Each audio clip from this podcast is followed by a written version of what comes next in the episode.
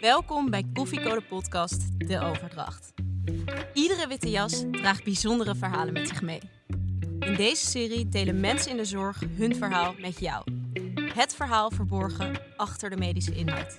Je hoort het hier. Dit is De Overdracht. Heb jij een verhaal in je hoofd en je wil het vertellen? Meld je dan aan. Alle dokters zijn heel even stil, want de co wil wat zeggen. Hey, kijk eens aan, koffie in je stad. Die dames op pad met een mic in je hand. En wij willen horen jouw verhaal. In de overdracht. In verband met privacy zijn in de overdracht alle herleidbare gegevens, zoals namen, dokters en ziekenhuizen, veranderd. Ik ben Lucas Nelissen, ik ben HJO in Amsterdam, maar hiervoor heb ik gewerkt als Anios Psychiatrie op de Paas. En ik heb daar zoveel leuke dingen meegemaakt dat ik bij deze mijn overdracht daaraan wil wijden. Speciaal voor deze aflevering heb ik nagedacht over wat nou de leukste dingen zijn die ik daar heb meegemaakt. Want werken op, de, op een psychiatrische afdeling is heel bijzonder, heel interessant, maar vooral ook heel grappig. Het allereerste wat ik heb meegemaakt tijdens mijn tijd op, op de psychiatrie was toen ik net binnenkwam en ik in mijn eerste week een dienst moest draaien, een nachtdienst. En hoewel dat eigenlijk niet mocht, eerst moest je zes weken ingewerkt worden en zou je dan samen met iemand een nachtdienst draaien, ging het even niet anders door een uh, personeelstekort. Iedereen uh, sprak er schande over, al mijn collega's, en iedereen zei, ja, we gaan we niet doen, dat gaan we niet doen. Nou ja, op een gegeven moment was het vrijdag, uh, vijf uur, na de overdracht. Iedereen stond op en liep weg. En op een gegeven moment bleek dat ik dus toch echt die dienst ging doen in mijn eentje. Nou ja, niet helemaal hoe ik het voor me had gezien, maar ja, fair enough. En doodnerveus. Normaal gesproken mocht je ook thuis slapen en werd je dan, uh, ging je naar het ziekenhuis als je gebeld werd. Maar vanwege de zenuwen heb ik gewoon uh, de hele avond in de artsenkamer gezeten. Ben ik daarna in een van de lege patiëntenkamers gaan liggen. Omdat ik zo bang was dat ik iets zou missen dat ik gewoon niet het ziekenhuis uit wilde. En het ging eigenlijk best wel goed, maar rond, een, ja, rond acht uur s'avonds werd ik opeens gebeld door de verpleegkundige. Met een boodschap dat mevrouw de Vries aan de telefoon was en dat het helemaal niet goed ging met mevrouw de Vries en of ik dat even op wilde lossen. Nou, ik kende deze vrouw niet. Ik wist eigenlijk ook niet zo goed wat er aan de hand was. En ik wist al helemaal niet hoe ik dit dan op moest gaan lossen. Maar uh, ja, ik had weinig keus, dus uh, ik kreeg mevrouw de Vries aan de telefoon.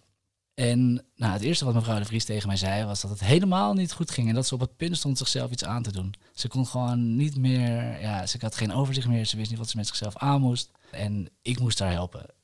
Oké, geen idee hoe dit in zijn werk ging of wat er dan van je verwacht wordt.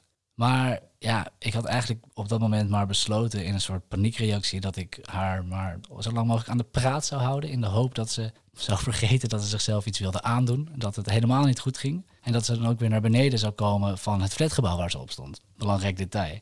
Dus ik begon maar te praten over alles wat er in me opkwam. Ik begon uh, bij dingen die me heel erg interesseerden. Dus ik begon met Ajax en uh, de basisopstelling en de blessuregevallen en het huidige Champions League seizoen. Van daaruit ging ik door naar het weer, het ziekenhuis, Amsterdam, muziek, nog een keer Ajax. En toen was ik wel een beetje op wat betreft onderwerpen, maar het ging nog steeds niet goed. Want elke tien minuten vroeg ik, hoe gaat het? Voel je al beter? Ze nee, nee, nee, nee, nee. Oké, nou, ging door, doorpraten, doorpraten. En uh, nou, kwamen we uit bij Netflix en bij Boer vrouw, waar ik eigenlijk een beetje een hekel aan heb, maar wat mijn vriendin heel leuk vindt. En toevallig had mevrouw de Vries ook ja, echt heel veel liefde voor Boer vrouw. Dus vervolgens hebben we denk ik nog een kleine drie kwartier tot een uur gepraat over Yvonne Jaspers en haar gele pick-up truck. En alle hele ongelukkige matches die uh, samen in een hotelkamer zaten was ik wel mijn vriendin heel dankbaar dat zij me altijd dwong om met haar hier naar te kijken. En kon ik gewoon heel voluit meepraten over de alle awkward situaties die zich daar voordeden. En nou, uiteindelijk, na ik denk zeker anderhalf uur nadat we echt ongeveer alles hebben besproken wat er te bedenken viel, vroeg ik weer aan haar van, en hoe gaat het nu? Ja, het gaat wel iets beter. Oké, is, uh, is het een beetje gezakte stress? Ja, het is wel een beetje gezakte stress. Kunnen we afspreken dat je jezelf niks aandoet tot morgen, als mijn collega je weer belt? Ja, oké, we kunnen wel afspreken dat ik mezelf niks aan. Uiteindelijk hebben we nog, in, net toen ik dacht dat we ja, het gesprek af zouden sluiten, vroeg ze nog wat ze dan in godsnaam moest gaan doen. Nou ja, dus toen hebben we ook nog maar een klein stappenplan gemaakt over wat ze zou doen als ze thuis kwam. Vrij gedetailleerd. Wat ze ging drinken? Nou, thee. Wat ze ging kijken? Nou, Netflix. Wat ze ging aantrekken? Pyjama. En hoe laat ze naar bed zou gaan? Nou, niet te laat. En uiteindelijk, nadat ik er twee uur met haar aan de telefoon heb gezeten, eh, was het gesprek over. Was de stress zodanig gezakt dat zij naar bed kon. En uh, heeft het gesprek afgesloten en is zij gaan slapen. De volgende dag, tijdens de ochtendoverdracht, waren we weer met z'n allen bij elkaar. Alle artsen, alle psychiaters, alle verpleegkundigen. En uh, moest ik inderdaad overdragen dat ik mevrouw de Vries aan de telefoon heb gehad. Ik kreeg ook te horen van mijn collega, die haar behandelaar was, dat hij er al had gesproken. En ik kreeg een uh, compliment van uh, mijn collega. Die zei, nou, ik heb mevrouw de Vries gesproken en ze was heel blij met je. Je hebt, echt, je hebt er goed geholpen. Je hebt de stress doen afnemen. Nog wel een klein punt van aandacht van mijn, uit mevrouw de Vries. Vond je heel aardig en heel beleefd. Maar of je volgende keer even niet zo langdradig wilde zijn. Oké, top. En dat was de allereerste dienst die ik ooit op de afdeling psychiatrie heb gehad. En een van heel veel, waarvan de een nog raarder was dan de ander. Maar wel heel leuk en ik had het niet willen missen. En als ik een tip mag geven, als je psychiatrie interessant vindt en mensen met een psychiatrische stoornis interessant vindt, ga dan zeker op de paas werken, want je leert ontzettend veel en je maakt ook hele bijzondere dingen mee.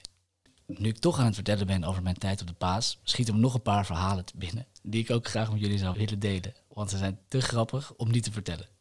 Soms is het ook heel gênant. Ik, weet ook, ik ben wel eens een keer boodschappen gaan doen met uh, een van de patiënten.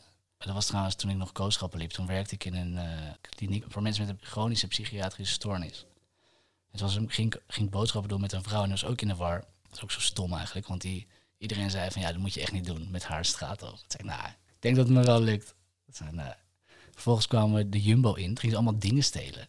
Het ging, ja, wat zeg je dan? Nou, doe nou niet, doe nou niet. Hij werd heel boos. En op een gegeven moment toen uh, was ik er kwijt. En toen zag ik er staan bij de, zeg maar, zo smoezelen met de bewaker. En naar mij wijzen. Komt die bewaker naar mij toe. Zeg, ja, deze mevrouw zegt dat, uh, dat u uh, aan het stelen bent. Ja, tegen mij. Is gewoon mij erbij gelapt.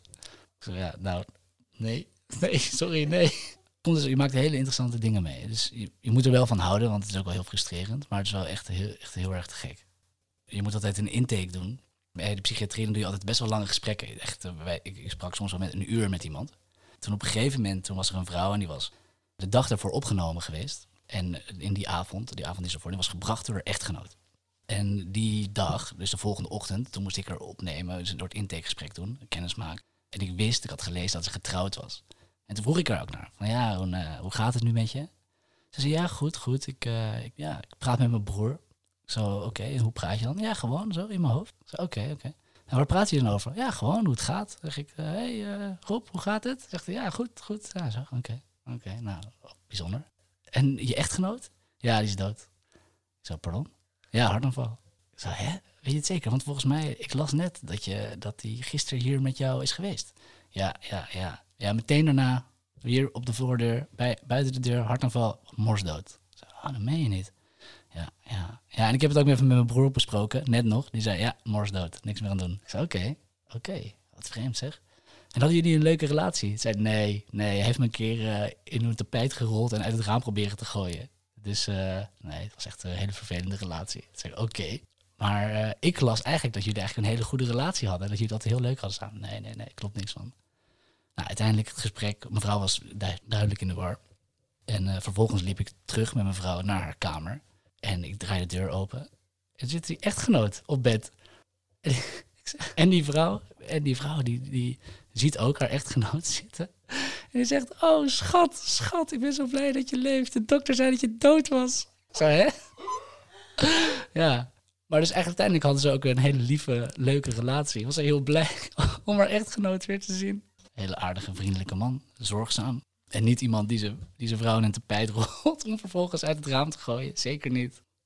Dit was aflevering 6 van De Overdracht. Heb jij ook een leuk verhaal en wil je dat met ons delen? Stuur ons dan een bericht. Pa, pa, pa,